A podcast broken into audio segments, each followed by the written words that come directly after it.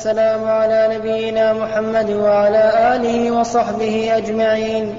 نقل المؤلف رحمه الله تعالى عن أبي هريرة رضي الله عنه أن رسول الله صلى الله عليه وسلم قال حق المسلم على المسلم خمس رد السلام وعيادة المريض واتباع الجنائز وإجابة الدعوة وتشميت العاطس. متفق عليه.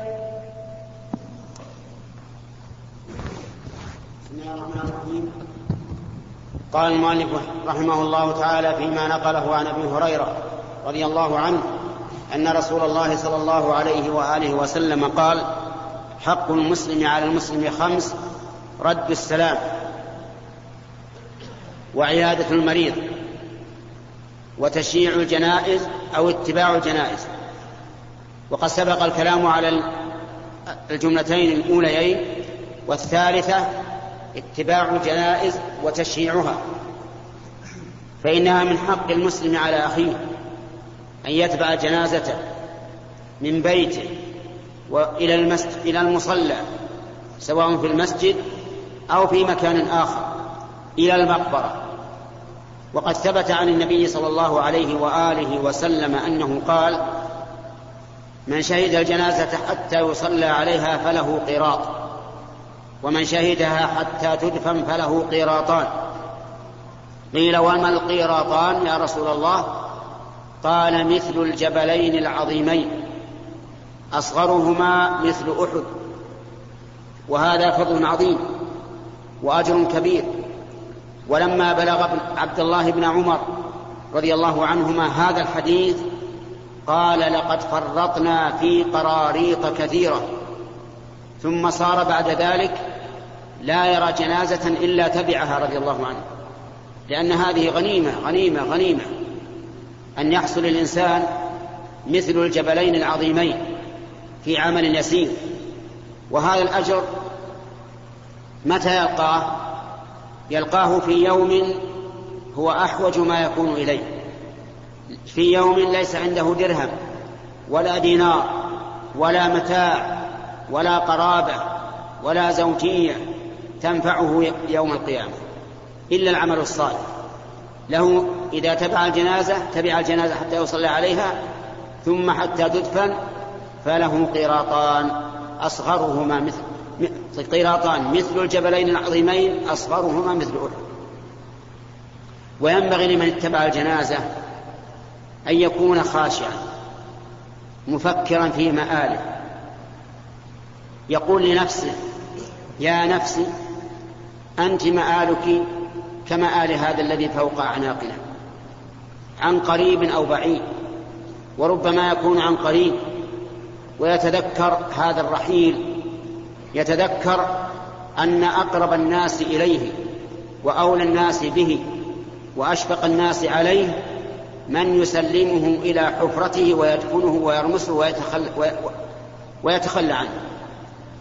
هذا أقرب الناس إليه. الذي يحملك إلى مدفنك ثم ينصرف عنك ويدعك في هذا اللحد وحيدا بأعمالك. إن خيرا فخير وإن شرا فشر. ولهذا قال العلماء يكره للإنسان المتبع للجنازة أن يتحدث في شيء من أمور الدنيا أو أن يتبسم ويضحك. وكذلك أيضا إذا وصلت إلى المقبرة وجلست تنتظر دفن دفنها. فينبغي أن تفكر في مآلك وأنك سوف ينتظر دفنك كما انتظر دفن هذا الرجل. وإذا كان حولك أناس وحدثتهم بما حدث به النبي صلى الله عليه وسلم أصحابه حينما خرج في جنازة رجل من الأنصار فانتهى إلى القبر ولما يلحد فجلس عليه الصلاة والسلام وحوله أصحابه وفي يده مخصرة عود ينكت به الأرض يعتبر عليه الصلاة والسلام ويفكر ويحدث أصحابه بما يكون عند الاحتضار وعند الدفن حتى يكون جامعا بين الموعظة وبين تشييع الجنازة.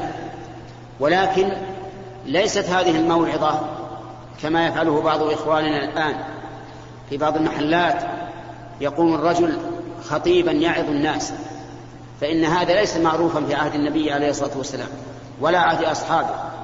لكن لما جلس النبي صلى الله عليه وآله وسلم ينتظر لحد هذا الميت وجلس أصحابه حدثهم حديث المجالس بما ينفعهم وبما يناسب. وكذلك كان عليه الصلاة والسلام حاضرا دفن إحدى بناته. وكان على شفير القبر وعيناه تدمعان. فقال عليه الصلاة والسلام ما منكم من أحد إلا وقد كتب مقعده من الجنة ومقعده من النار. قالوا يا رسول الله أفلا ندع العمل ونتكل على ما على ما كتب لنا؟ قال لا اعملوا فكل ميسر لما خلق له أما أهل السعادة فييسرون لعمل أهل السعادة. وأما أهل الشقاوة فييسرون لعمل أهل الشقاوة. ثم قرأ قوله تعالى فأما من أعطى واتقى وصدق بالحسنى فسنيسره لليسرى.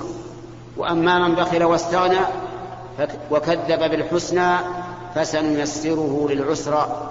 نسأل الله أن يجعلنا وإياكم من أهل السعادة الذين يسروا لليسرى وجنبوا العسرى.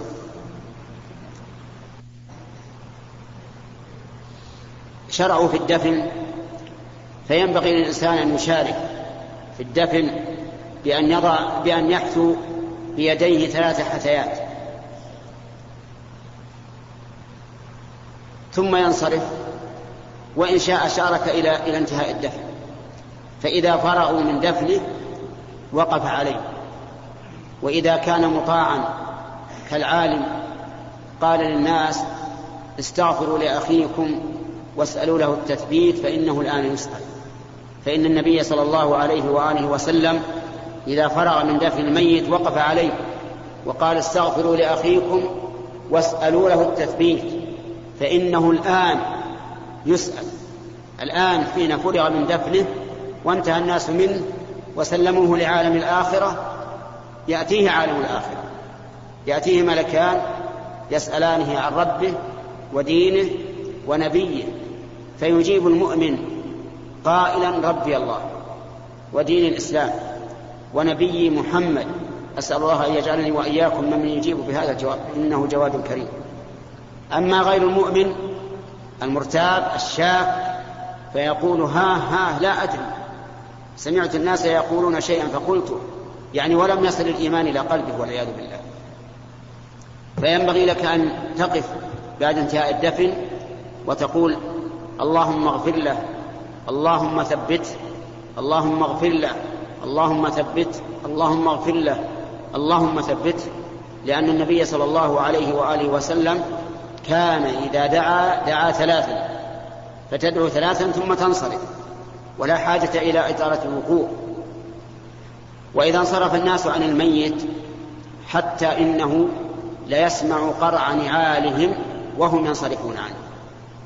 يسمع قرع النعال ضربة في الأرض وهم منصرفون عنه جاءه الملكان فأجلساه وسألاه عن ربه ودينه ونبيه. سألاه عن ربه ودينه ونبيه ويجلسانه في القبر. وإن كان القبر ضيقا لكنه يجلس. كما أن النائم الآن يرى نفسه أنه قائم وأنه ماشي وأنه قاعد وهو ملتحف في فراشه لم يتحرك منه لأن أحوال البرزخ أبلغ من أحوال الدنيا وأعظم. فيه أشياء ما تنطبق على على أحوال الدنيا. فها هو الميت المؤمن يفسح له في قبره مد البصر مد البصر والمقبرة كلها ليست بشيء. ما. ما... ليست مد البصر لكن أحوال الآخرة لا تقاس بأحوال الدنيا. وواجبنا فيما جاء في كتاب الله أو صح عن رسول الله صلى الله عليه وآله وسلم من أمور الآخرة أن نقول سمعنا وصدقنا وآمنا وكل من عند ربنا والله على كل شيء قدير. والله موفق. سبق لنا ما ذكره أبو هريرة عن النبي صلى الله عليه وسلم في حقوق المسلم على أخيه. رد السلام وعيادة المريض واتباع الجنائز. الرابع إجابة الدعوة. فمن حق المسلم على أخيه إذا دعاه أن يجيبه. والإجابة إلى الدعوة مشروعة بلا خلاف بين العلماء فيما نعلم. إذا كان الداعي مسلما ولم يكن مجاهرا بالمعصية ولم تكن الدعوة مشتملة على معصية لا يستطيع إزالتها.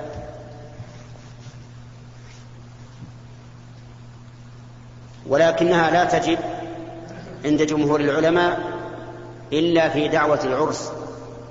إذا دعاه الزوج أول مرة في اليوم الأول فإن الإجابة واجبة إذا عين بالشروط السابقة التي ذكرناها. فإن كان الداعي غير مسلم فلا تجب الإجابة بل ولا تشرع الإجابة إلا إذا كان في ذلك مصلحة فإذا كان في ذلك مصلحة كرجاء إسلامه والتأليف فلا بأس به بإجابة غير المسلم. لأن النبي صلى الله عليه وسلم أجاب دعوة يهودي دعاه في المدينة. وإن كان مسلما مجاهرا بالمعصية كحلق اللحية مثلا أو شرب الدخان علنا في الأسواق أو غير ذلك من المحرمات فإن إجابته ليست بواجبة. ولكن إن كان في إجابته مصلحة أجابه. وإن كان وإن كان في ليس في في إجابته مصلحة نظرت. فإن كان في عدم إجابته مصلحة بحيث إذا رأى نفسه أنه قد هجر وأن الناس لا يجيبون دعوته تاب وأناب فلا تجب دعوته. لعل الله يهديه. وإن كان لا فائدة من ذلك فأنت بالخيار. إن شئت فأجب وإن شئت فلا تجيب. وإذا كان في الدعوة منكر فإن كان الإنسان قادرا على التغيير وجبت عليه الإجابة من وجهين. الوجه الأول إزالة إزالة المنكر. والوجه الثاني إجابة دعوة أخيه إذا كان في العرس وكان ذلك أول أول يوم. وأما إذا كان منكر في الدعوة لا تستطيع تغييره كما لو كان في الدعوة شرب دخان أو شيشة أو كان فيه أغاني محرمة فإنه لا يجوز لك أن تجيب. قال أهل العلم إلا إذا كان المنكر في محل آخر وأنت تجيب إلى محل ليس فيه منكر وكان الداعي من أقاربك الذين لو تركت إجابتهم لعد ذلك قطيعة فلا بأس بالإجابة في هذه الحال. وإن كان الهجر يترتب عليه ترك هذه المعصية فاهجره يعني مثل لو دعاك قريبك وأنت تعلم أنه سيكون في الدعوة محرم. وقلت له أنا لا أجيبك إلا إذا إلا بشرط أن لا يكون في الدعوة محرم وقبل بذلك فأجب. وأما إن أصر على وجود المحرم فلا تجب لأن حضور المحرم ولو مع كراهة الإنسان به له بقلبه يكون فيه الإنسان مشاركا للفاعل. لقول النبي صلى الله لقول الله تعالى وقد نزل عليكم في الكتاب أن إذا سمعتم آيات الله يكفر بها ويستهزأ بها فلا تقعدوا معهم حتى يخوضوا في حديث غيره إنكم إذا مثلهم. هذا حكم إجابة الدعوة. فهذه الحقوق التي بينها النبي صلى الله عليه وآله وسلم كلها إذا قام بها الناس بعضهم, بعضهم مع بعض. حصل بذلك الإلفة والمودة وزال ما في القلوب والنفوس من الضغائن والأحقاد. والله أعلم. الرحمن الرحيم. الحمد لله رب العالمين. والصلاة والسلام على نبينا محمد وعلى آله وصحبه أجمعين. نقل المؤلف رحمه الله تعالى عن أبي هريرة رضي الله عنه أن رسول الله صلى الله عليه وسلم قال حق المسلم على المسلم خمس رد السلام وعيادة المريض واتباع الجنائز وإجابة الدعوة وتشميت العاطس متفق عليه وفي رواية لمسلم حق المسلم على المسلم ست إذا لقيته فسلم عليه وإذا دعاك فاجبه وإذا استنصحك فانصح له وإذا عطس فحمد الله فشمت وإذا مرض فعد وإذا مات فاتبعه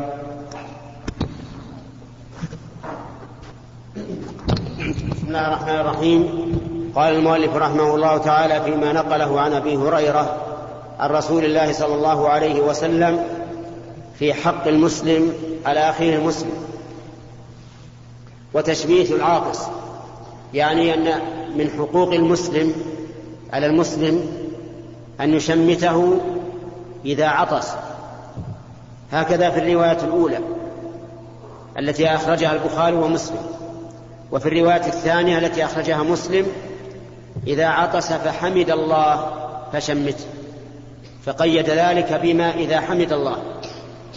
فإذا عطس الرجل وحمد الله وسمعته فشمته. يعني قل يرحمك الله.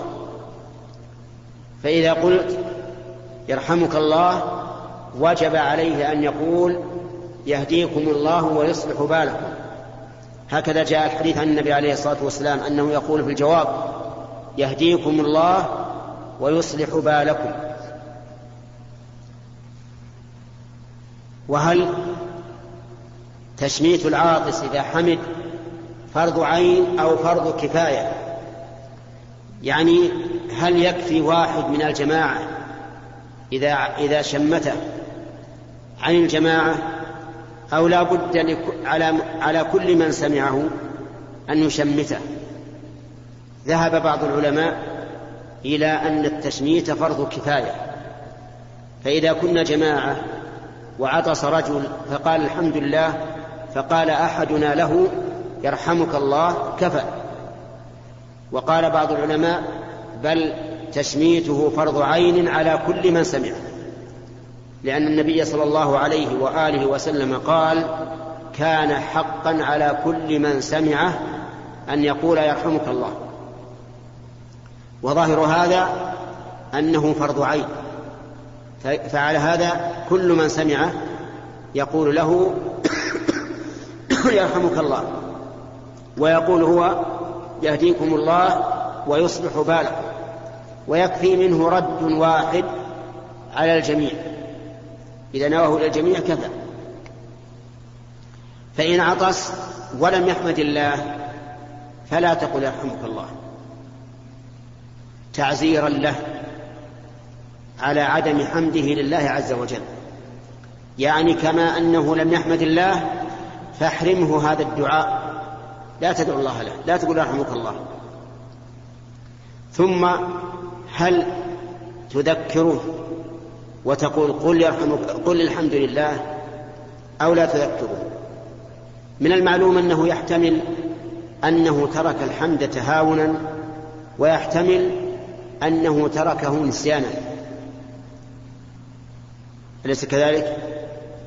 نعم يمكن أنه تركه نسيانا يمكن أنه تركه تهاونا إن كان تركه نسيانا فذكره قل له احمد الله وإن كان ذكر تركه تهاونا فلا تذكره ولكن أين أين لي العلم بذلك؟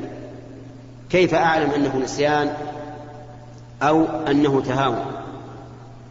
ظاهر الحديث فحمد الله أنه إذا لم يحمد لا تشم إذا لم يحمد لا تشمته ولا تذكره مطلقا. ولكن فيما بعد علم وقل له إن الإنسان إذا عطس فإنه يحمد الله على هذا العطاس لأن العطاس من الله والتثاؤب من الشيطان. العطاس دليل على نشاط الإنسان نشاط جسمه ولهذا يجد الإنسان بعد العطاس خفة. ثم إن التشميت مقيد بثلاث. التشميت بقول يرحمك الله مقيد بثلاث. إذا شمته ثلاث مرات يعني عطس فحمد الله فقلت يرحمك الله ثم عطس فحمد الله فقلت يرحمك الله ثم عطس فحمد الله فقلت يرحمك الله ثم عطس الرابعة فقل عافاك الله إنك مسكون. عافاك الله إنك مسكون. تدعو له بالعافية وتبين أنه مسكوم لئلا يقول لماذا لا تقول يرحمك الله. كنت بالأول تقول يرحمك الله والآن تقول عافاك الله. ليش؟ تقول إنك مسكون وفي هذا تنبيه له على أن نحاول الاحتراز مما يزيد الزكام. وإلا فإن الزكام في الغالب لا دواء له. إذا أصاب الإنسان ما يذهب عنه حتى ينتهي منه. لكن من أسباب تخفيفه على الإنسان عدم التعرض للهواء البارد وعدم شرب الماء البارد والا يتعرض للبراد بعد الدفء. والإنسان طبيب نفسه. و وفي قولنا إنه يقول العاطس إذا قالوا له يرحمك الله يقول يهديكم الله ويصلح بالكم. دليل على أن ما يقوله بعض العامة إذا قلت له يرحمك الله قال يهدينا ويهديكم الله. هذا مو صحيح. لأن الرجل دعا لك أنت قال يرحمك الله. كيف تقول يهدينا ويهديكم الله؟ تدعو لنفسك قبله هو نعم لو قال يرحمنا ويرحمك الله قل يهدينا ويهديك الله. لكن هو قال يرحمك الله كما أمر فأنت أجبه كما أمرت. قل يهديكم الله ويصلح بالكم. وذكر أن اليهود, أن اليهود كانوا يتعاطسون عند النبي صلى الله عليه وسلم. يتعاطسون يعني يتكلفون العطاس. من أجل أن يقول لهم يرحمكم الله. لأنهم يعلمون أنه نبي وأن دعاءه بالرحمة قد ينفعهم ولكنه لا ينفعهم لأن الكفار لو دعوت لهم بالرحمة لا ينفعهم ذلك ولا يحل لك أن تدعو لهم بالرحمة إذا ماتوا ولا بالمغفرة لقول الله تعالى ما كان للنبي والذين آمنوا أن يستغفروا للمشركين ولو كانوا أولي قربى من بعد ما تبين لهم أنهم أصحاب الجحيم. فإن قيل أليس إبراهيم استغفر لأبيه؟ وإبراهيم على الحنفية على التوحيد. قال الله تعالى وما كان استغفار إبراهيم لأبيه؟ هذا الجواب هذا الجواب. وما كان استغفار إبراهيم لأبيه إلا عن موعدة وعدها إياه. فلما تبين له أنه عدو لله تبرأ منه. إن إبراهيم لأواه حليم. والله موفق.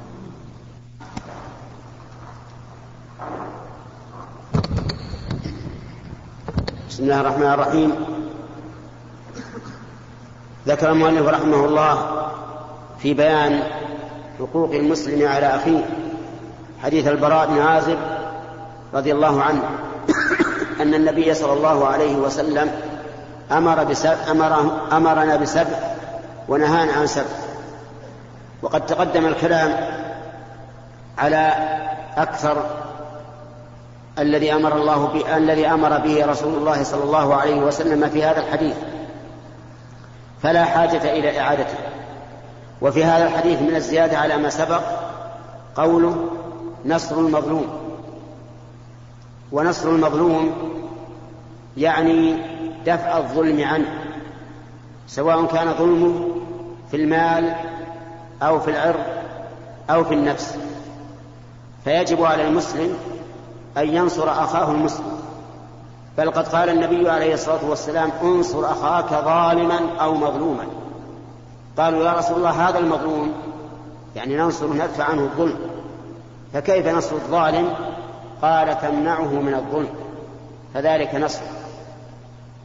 لأن الظالم قد غلبته نفسه حتى ظلم. فتنصره أنت على نفسه حتى تمنعه من الظلم. فإذا رأيت شخصا يظلم جاره بالإساءة إليه وعدم المبالاة به فإنه يجب عليك أن تنصر هذا وهذا. الظالم والمظلوم. فتذهب إلى الظالم الجار الذي أخل بحقوق جاره وتنصحه وتبين له ما في ما في إساءة الجوار من الإثم والعقوبة وما في حسن الجوار من الأجر والمثوبة. وتكرر عليه حتى يهديه الله فيرتدع. وتنصر المظلوم الجار. فتقول له أنا سوف أنصح جارك سوف أكلمه فإن, فإن هداه الله فهذا هو المطلوب. وإن لم يهتدي فأخبرني حتى نكون أنا وأنت عند القاضي مثلا أو عند الحاكم نكون سواء نتعاون على دفع ظلم هذا الظالم. وكذلك إذا وجدت شخصا جحد لأخيه حقا تدري أن أنه جحد وأن لأخيه عليه هذا الحق فتذهب إلى هذا الظالم الذي جحد حق أخيه وتنصحه وتبين له ما في أكل المال بالباطل من العقوبة وأنه لا خير في أكل المال بالباطل لا في الدنيا ولا في الآخرة بل هو شر حتى يؤدي ما عليه. وتذهب إلى صاحب الحق وتقول له أنا معك. انتظر اصبر ها نحن ننصحه ها نحن نوبخه. وهكذا بقية المظالم. تنصر أخاك ظالما أو مظلوما والظالم نصرك إياه أن تمنعه من الظلم. أما السبع التي نهى عنها عليه الصلاة والسلام في حديث البراء فمنها التختم بالذهب.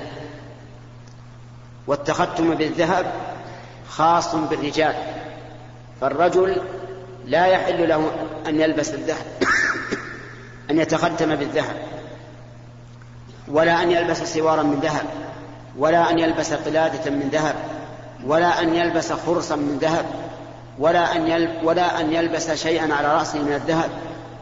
كل الذهب حرام على الرجل لأن النبي صلى الله عليه وسلم قال في رجل رأى عليه خاتم من ذهب قال يعمد أحدكم إلى جمرة من نار فيضعها في أصبعه أو قال في يده. ثم نزع النبي صلى الله عليه وسلم الخاتم فرمى به. فلما انصرف النبي صلى الله عليه وآله وسلم قالوا للرجل خذ خاتمك. انتفع به. قال والله لا آخذ خاتما طرحه النبي صلى الله عليه وآله وسلم. وقال عليه الصلاة والسلام في حديث علي بن أبي طالب أحل الذهب والحرير لإناث أمتي وحرم على ذكورها. وأما تختم المرأة بالذهب فلا بأس به ولا حرج فيه. وقد حكى بعض العلماء إجماع أهل العلم على جواز لباس المرأة للخاتم والسوار ونحوهما. وأما الأحاديث الواردة في النهي عن الذهب المحلق للنساء فهي أحاديث إما ضعيفة وإما شاذة ترك العمل بها. وتواترت الأحاديث الكثيرة التي فيها إقرار النبي صلى الله عليه وسلم النساء على لبس المحلق من الأسورة وكذلك من الخواتم. ولكن يجب على المرأة إذا كان عندها ما يبلغ النصاب من الحلي من الذهب يجب عليها أداء زكاته بأن تقومه كل سنة بما يساوي وتخرج منه ربع العشر. لأن النبي صلى الله عليه وسلم رأى امرأة وفي يد ابنتها مسكتان غليظتان من ذهب يعني سوارين غليظين. فقال أتؤدين زكاة هذا؟ قالت لا. قال أيسرك أن يسورك الله بهما سوارين من نار يوم القيامة. فخلعتهما وأعطتهما النبي صلى الله عليه وسلم وقالت هما لله ورسوله. ويأتي إن شاء الله بقية الكلام عن الحديث.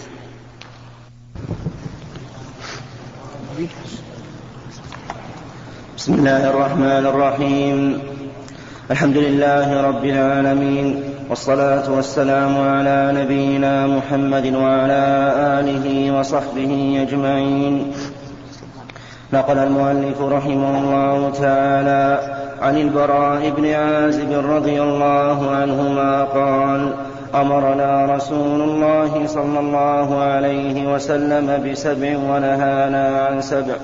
أمرنا بعيادة المريض واتباع الجنازة وتشميت العاطس وإبرار المقسم ونصر المظلوم وإجابة الداعي وإفشاء السلام. ونهانا عن خواتيم أو تختم بالذهب وعن شرب بالفضة وعن المياثر الحمر وعن القسي وعن لبس الحرير والاستبرق والديباج. متفق عليه.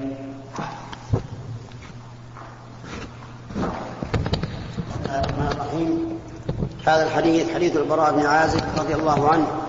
تقدم الكلام على بعضه وذكرنا أن منه خمس جمل سبقت في الحديثين اللذين قبله. وأن الجملة السادسة نصب المظلوم وتكلمنا عليه. والسابعة إبرار القسم أو إبرار المقسم. يعني إذا أقسم عليك أخوك بشيء فبره وافقه على ما حلف عليه.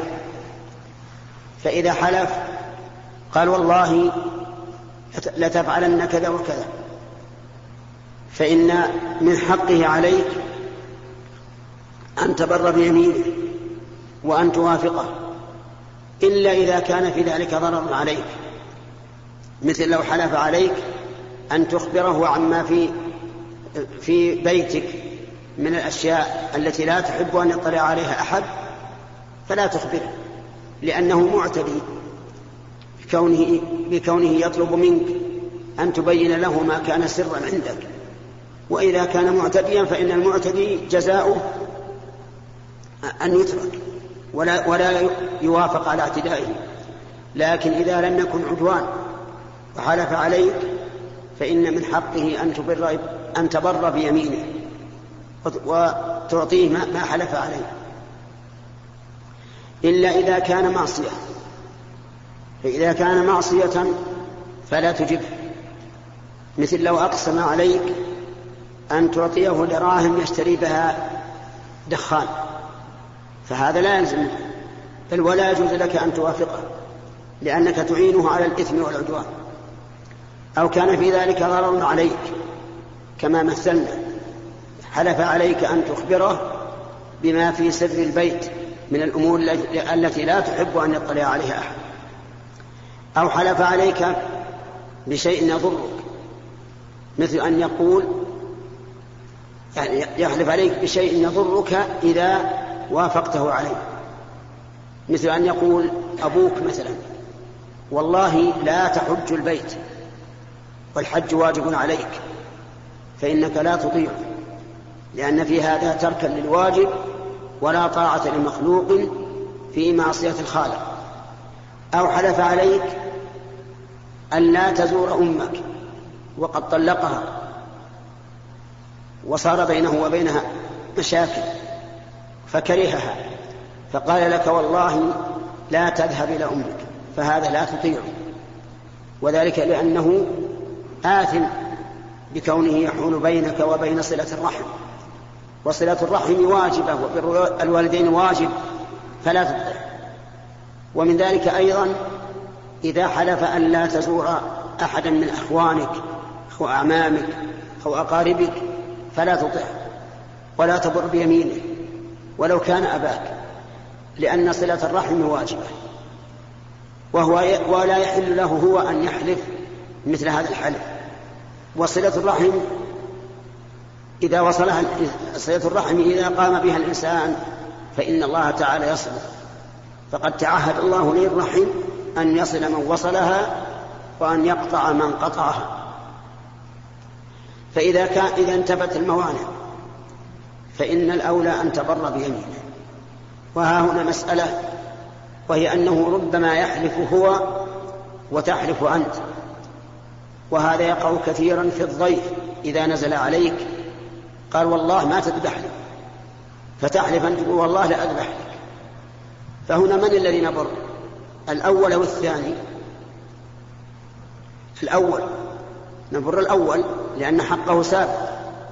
ونقول للثاني صاحب البيت الذي حلف أن يذبح نقول لا تذبح وكفر عن يمينك. لأن الأول أحق بالبر وأصدق. وهنا مسألة يجب أن نتفطن لها أيضا في هذا في هذا الأمر وهو أن بعض السفهاء إذا نزل به ضيف طلق الضيف أن لا يذبح له. قال علي الطلاق من امرأة أو من نساء إن كان له أكثر من امرأة إنك أن لا تذبح لي فيقول صاحب البيت وأنا علي الطلاق أن أذبح لك. هذا غلط. قال النبي عليه الصلاة والسلام من كان حالفا فليحلف بالله أو ليصمت. أما الطلاق ما ذنب المرأة حتى تطلقها وهو من الخطأ العظيم. وأقول لكم إن المفتين اليوم وأنا منهم نفتي بأن الإنسان إذا أراد بذلك التهديد أو التأكيد فإنه لا طلاق وعليه كفارة يمين. يعني أن حكمه حكم اليمين. ولكني أقول لكم إن أكثر أهل العلم ومنهم أصحاب المذاهب الأربعة على أن هذا طلاق على أن هذا طلاق وأنه إذا لم يفي بما قال طلقت امرأته. فالمسألة خطيرة. لا تظن أن الناس إذا أفتوا بالأمر السهل يعني أن المسألة سهلة. هي خطيرة جدا. إذا كان أصحاب المذاهب الأربعة المالكي والشافعي والحنفي والحنبلي كلهم يرون أن مثل هذا يكون طلاقا. وأنه إذا طلق ألا تذبح وذبحت طلق زوجته وإذا طلقت أن تذبح ولم تذبح طلق زوجته هذا المذاهب الأربعة ما هي الخلاف في هذا مو هين. فلا تستهينوا بهذا الأمر. خطير جدا. وأنت الآن مثلا إذا رجعت إلى زوجتك مثلا وكان هذه آخر طلقة فأنت تطأها على المذاهب الأربعة وطئا حراما. وعلى قول أنه يمين تكفر عن يمينك وتحل لك. فالمسألة خطيرة للغاية. لذلك يجب علينا أن نتناهى عنها.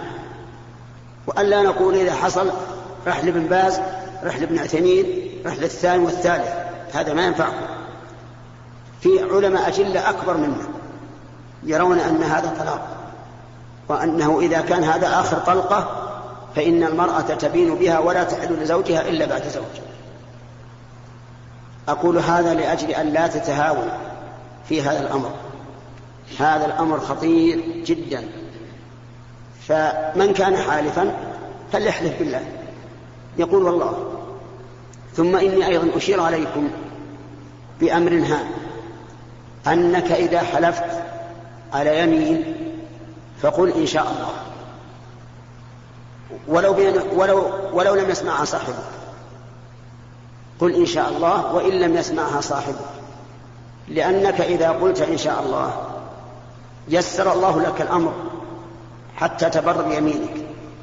وإذا قدر أنه ما حصل الذي تريد فلا كفارة عليك. وهذه فائدة عظيمة. فأنا لو قلت الواحد مثلا والله ما تذبح ثم قلت بينك وبين نفسك. بينك وبين نفسك. ثم ذبح فلا عليك شيء. ما عليك كفارة وكذلك أيضا بالعكس. لو قلت والله لا أذبح ثم قلت بين بينك وبين نفسك. وما سمع صاحبك. فإنه إذا لم تذبح فليس عليك كفارة. كقول النبي صلى الله عليه وآله وسلم من حلف على يمين فقال إن شاء الله لم يحنث. وهذه فائدة عظيمة خل على لسانك دائما. خل الاستثناء إن شاء الله على لسانك دائما. حتى يكون فيه فائدتان الفائدة الأولى أن تيسر لك الأمور والفائدة الثانية أنك إذا حنثت ما يلزمك الكفار. ويأتي إن شاء الله فضيلة الكلام الحديث.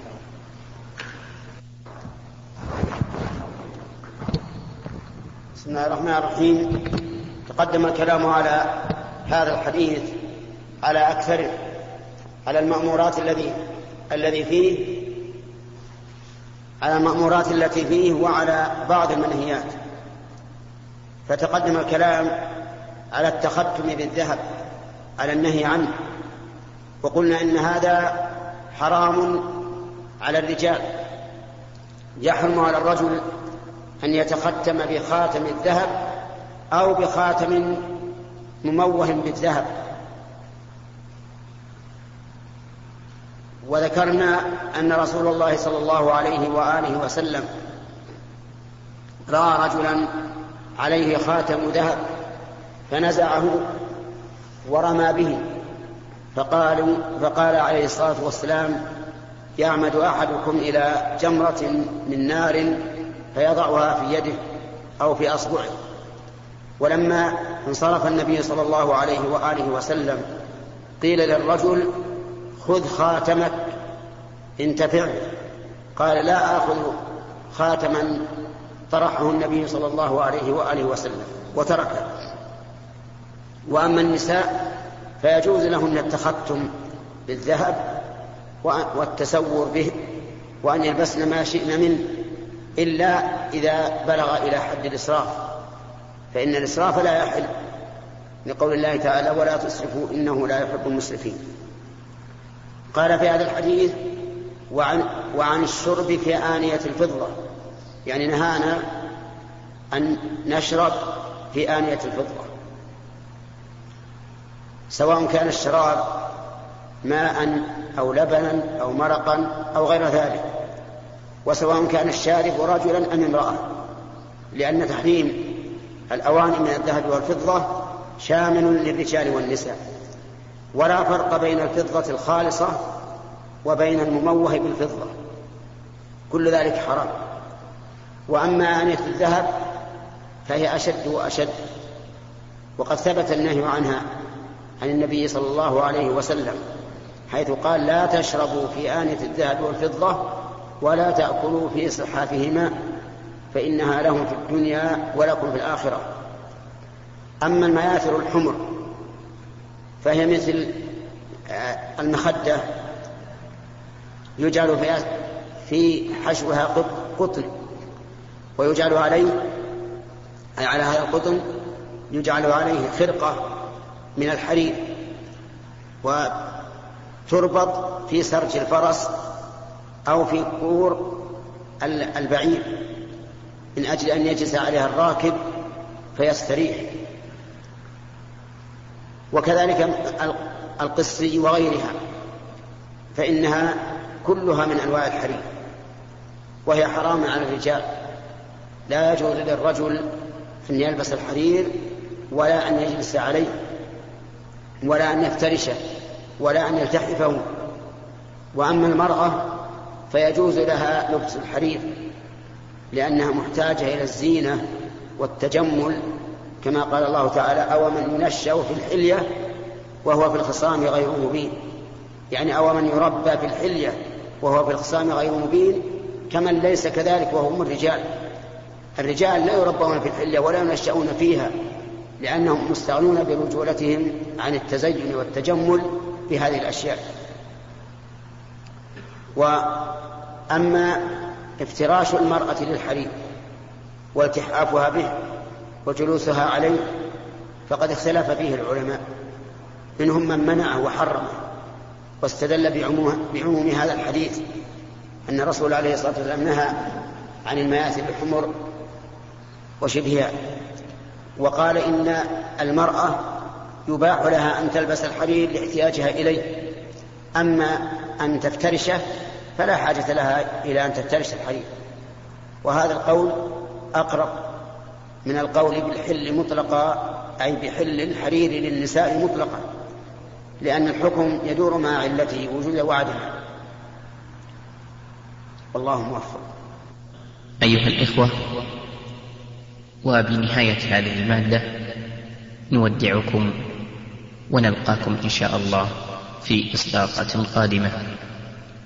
مع تحيات مؤسسة الاستقامة الإسلامية للإنتاج والتوزيع في عنيزة. رقم الهاتف والفاكس صفر ستة ثلاثة ستة أربعة خمسة ثمانية ثمانية صفر ورقم صندوق البريد اثنان وخمسمائة وألف.